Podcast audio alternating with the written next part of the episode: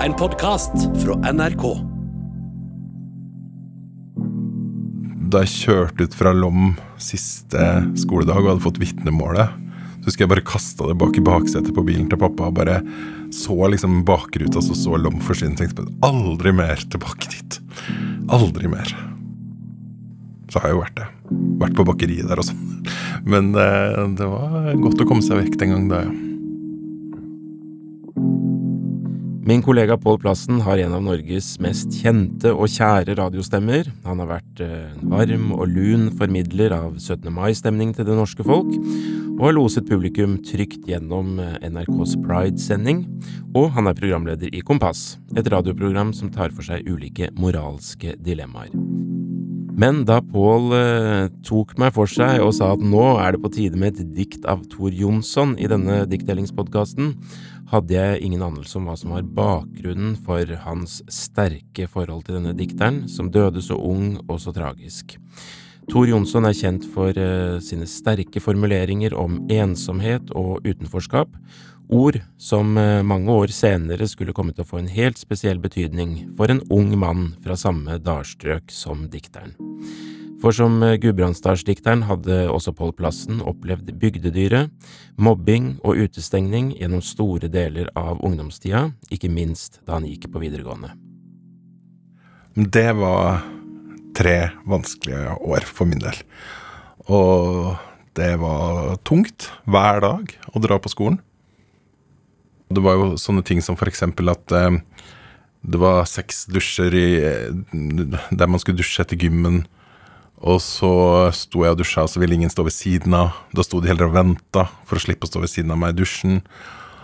Og så Det verste var vel kanskje da vi skulle uh, være russ. Så skulle alle skrive inn i en sånn stor katalog uh, hva som skulle stå på russekortet. Altså lime inn et bilde. Det var jo veldig Det var jo ikke noe digitalt den gangen. Og så ble denne katalogen sendt til trykk, og så fikk jeg tilbake 1000 russekort der det sto masse stygt om meg sjøl på russekortet som de da hadde De hadde viska ut det jeg hadde skrevet, og skrevet inn noe nytt, da. Da satte jo skolen i gang et voldsomt uh, voldsom operasjon for at jeg skulle få nye russekort, men de, de var jo ikke samme farge som de andre, de var trykt på et lokalt trykkeri. Så det var sånne ting som da uh, satte veldig store spor. Vanskelig for å stole på noen i livet etter det der. Og eh, da fant et slags skjebnefellesskap da, med Tor Jonsson. Som veldig dumt å sammenligne seg med en som vokste opp eh, i god tid før krigen og hadde det helt brutalt forferdelig. Men han lanserte jo begrepet bygdedyret, blant annet. Som skulle bli et sånt begrep som jeg virkelig fikk kjenne på kroppen, da. Um, så er det et veldig blanda forhold til Lom, kan du si, etter de årene der. Hvilket dikt er det du eh, har tatt med deg? Det heter Fattig ynsje. Kan du lese det? Mm. Ja, Eller du kan det utenat? Jeg kan det utenat. Jeg tok med ark her. Ja, det er, det er, veldig kort, da. Var eg en gud, vil eg skapa ei stillare vær. Der skulle alle elske. Var eg ein gud, vil eg skapa kjærleik og død. Berre kjærleik og død.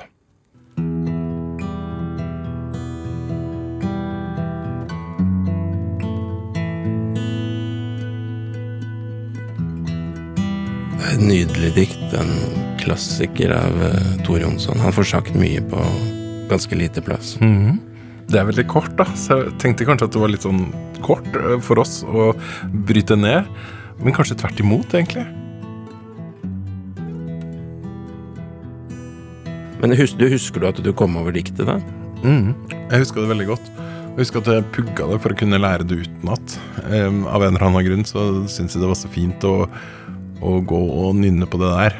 Men da var jeg jo ferdig på videregående, sant? så var på Blindern og forsøkte liksom å henge med der. og eh, det var jo ikke dumt å kunne rive av et lite dikt iblant hvis man var på den riktige festen heller. Men eh, jeg tror bare at det, det, er, det, er kanskje akkurat de tre ordene der han skriver at han det, Eller det han sier at han ville skape ei stillere vær. Ja, En stillere verden, ja. Det er det som jeg alltid har hekta meg så opp i. Ja. Altså det, særlig de tidene vi lever i nå, så skulle man jo ønske seg en stillere verden på så mange måter, da. Men jeg tenker, jeg leser også inn i det der ei stillere vær, altså ei bedre verden, en rausere verden, en snillere verden. Um, og en, en, verden som dempa seg litt. Ei stillere vær. Altså alt fra krig til mobbing. Det går an å skape en stillere verden.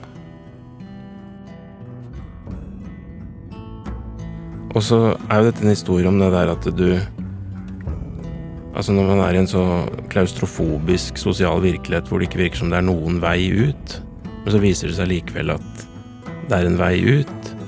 Og så har jeg skjønt at uh, din bestemor også tok saken i egne hender og viste deg at det fantes en annen verden enn Gudbrandsdalen. Kan du fortelle den historien? Mm på videregående så var det jo så ille til tider at uh, de voksne, altså mine foreldre og besteforeldre, sikkert hadde en del samtaler som ikke jeg visste om engang.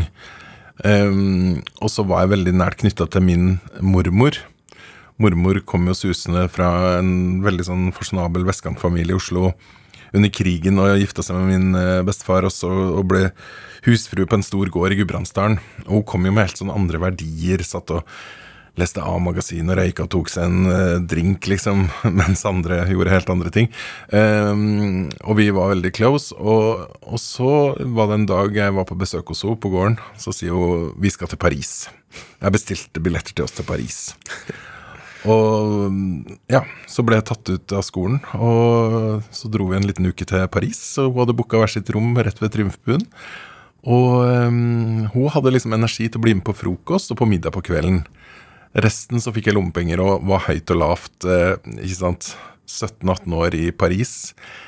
Og så alt av turistattraksjoner og Versailles og sånn på dagen. Og så på natta så var jeg ute og så Paris og var på strippeklubb og kjøpte lugubre blader og drakk vinflasker alene i parken. Og um, ja, det høres jo litt sånn skummelt ut. Og så møtte jeg like duggfrisk opplagt til frokost dagen etterpå.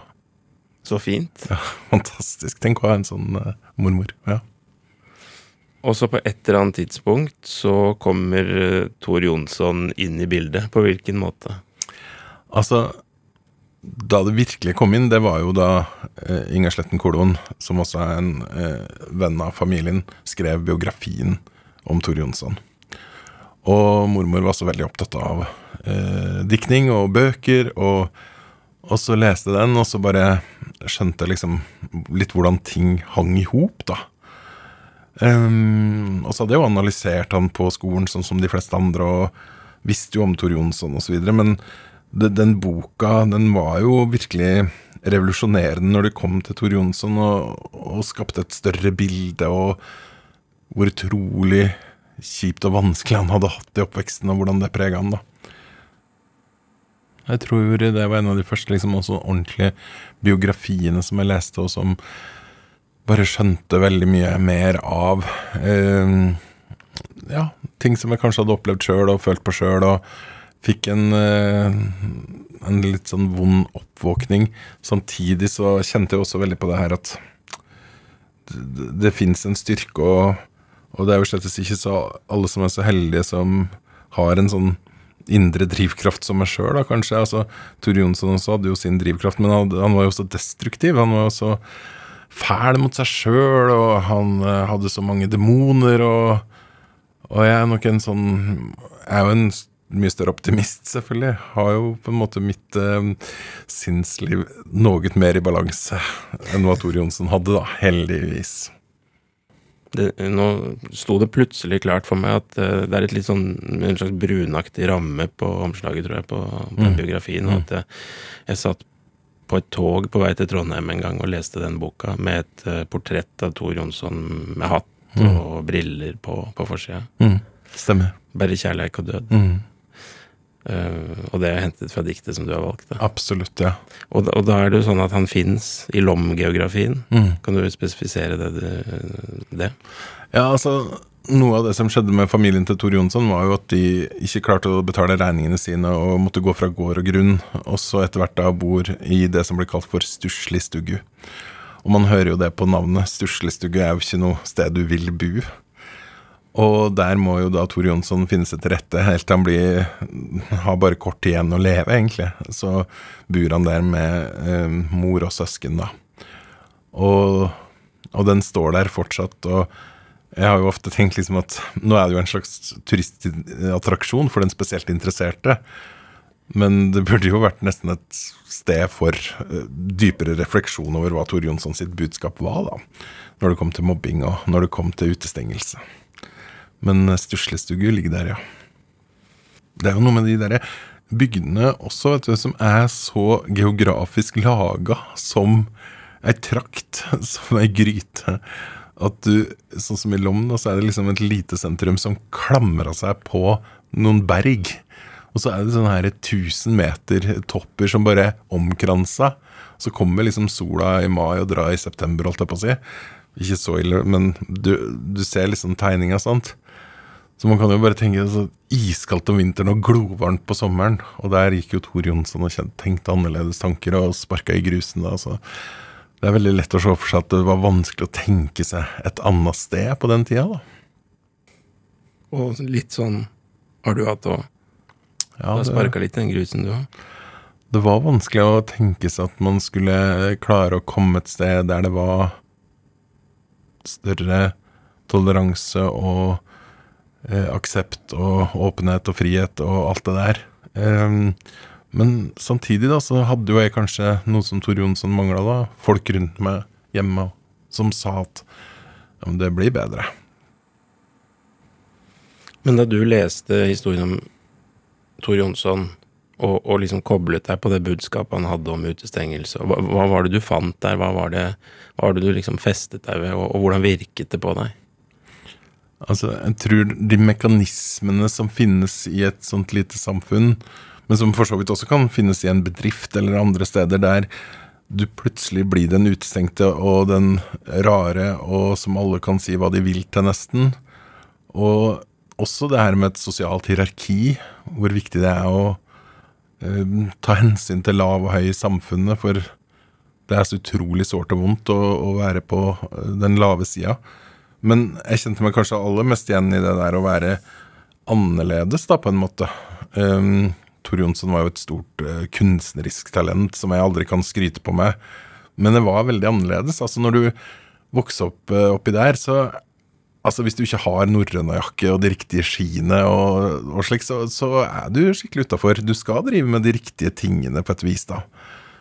Og um, Hva var det som gjorde deg annerledes, da? Nei, mange ting. Men kanskje særlig det her at jeg var så nølete opptatt av bøker og samfunnet rundt, og ja, var, var en litt sånn annerledes fyr på mange måter.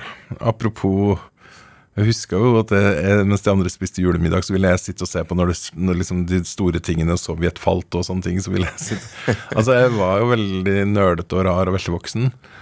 Så det var jo veldig vanskelig på en måte da. Altså Jeg husker jeg satt midt i klasserommet og turte til slutt aldri lenger å rekke opp hånda, for det var alltid noe knis og roping fra lenger bak.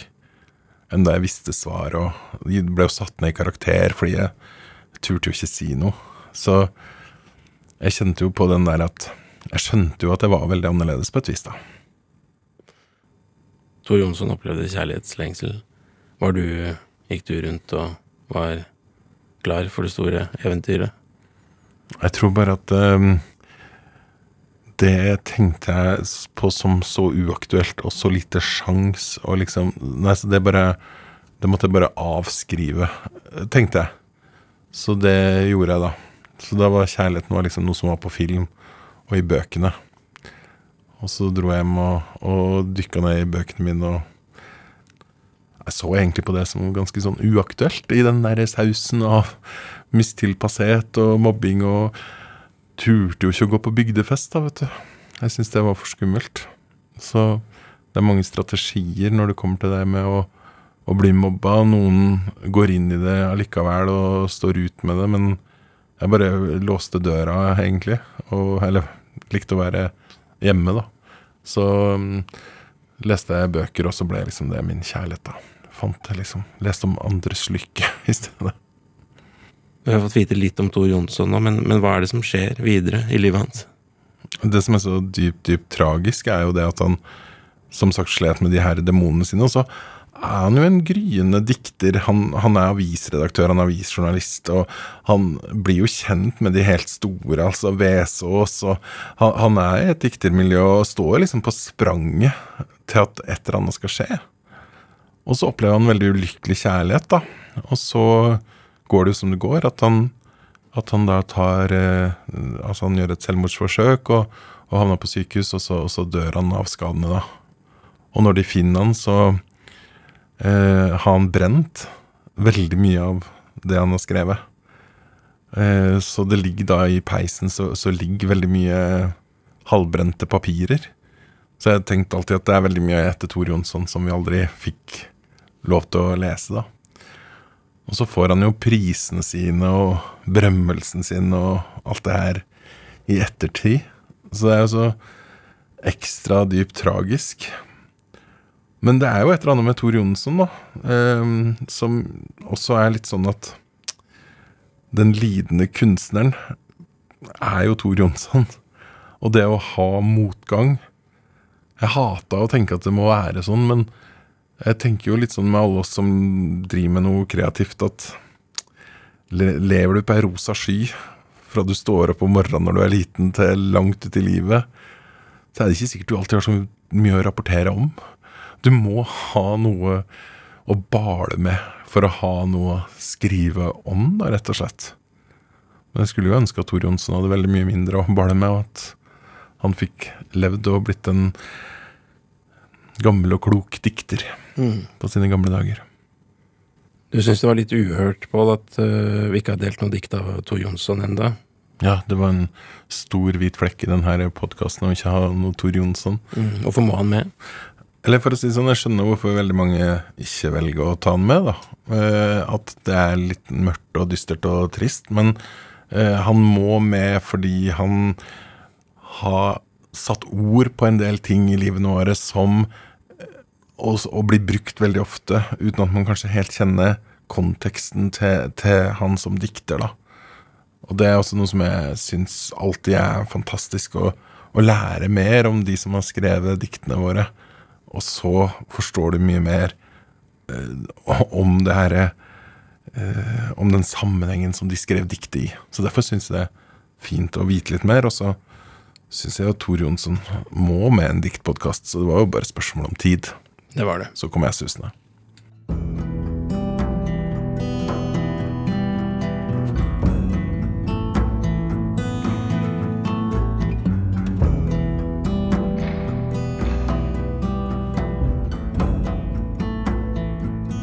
Jeg har vært inne i en sånn periode nå der ordet 40-årskrisa har kommet veldig mye ut av munnen min. Og jeg tror at man får en annen evne, eller kanskje ikke evne, men at det skjer noe med måten du tolker dikt på, og særlig sånn her poesi som har vært med hele mitt liv, nesten, da. Og så måtte jeg begynne å tenke på det igjen når vi skulle prate nå. Så tolker jeg det på en litt annen måte. Det gir fortsatt en like rar og litt sånn vond følelse. Men så har jeg også kanskje fått en, litt sånn, en livserfaring som, som sier at eh, jeg forstår Tor Jonsson bedre nå, kanskje, enn jeg gjorde før. Før så tenkte jeg kanskje bare at Ja, hvorfor vil du at alt skal være så stille, og du er så lykkelig, og alt det her. Men det har fått et lysere skjær over seg, merkelig nok, eh, med åra. Eh, det var litt sånn svart ramme rundt det før. Og nå ser jeg for meg at jeg kunne vært trygt på en litt sånn sommerlig eng, hvis du skjønner. Altså, man, at det her har blitt litt mer sånn lystig. Eh, litt sånn fredsinitiativaktig. Eh, og kjærlighet og død, det er liksom man, man får et forhold til døden etter hvert som er mer sammensatt og det uunngåelige, og man har opplevd det veldig tett på kroppen. Og så har man også fått en mer erfaring i kjærleik, som har gjort noe med en. Så tolker man det annerledes. Og så håper man kanskje mer enn før liksom at, eh, at ting skal gå bra. Når, ikke ligger, når ikke alt ligger foran deg, men at du er litt sånn midt i livet. Så ja, Det er litt annerledes nå. Pål Plassen, hjertelig tusen takk for at du kom til den diktdelingspodkasten og delte Tor Jonssons Fattig ynsje. Da tar jeg sjansen på å lese det til slutt. Fattig ynsje. Var eg ein gud, ville eg skapa ei stillare vær. Der skulle alle elske. Var eg ein gud, ville eg skapa kjærleik og død. Berre kjærleik og død.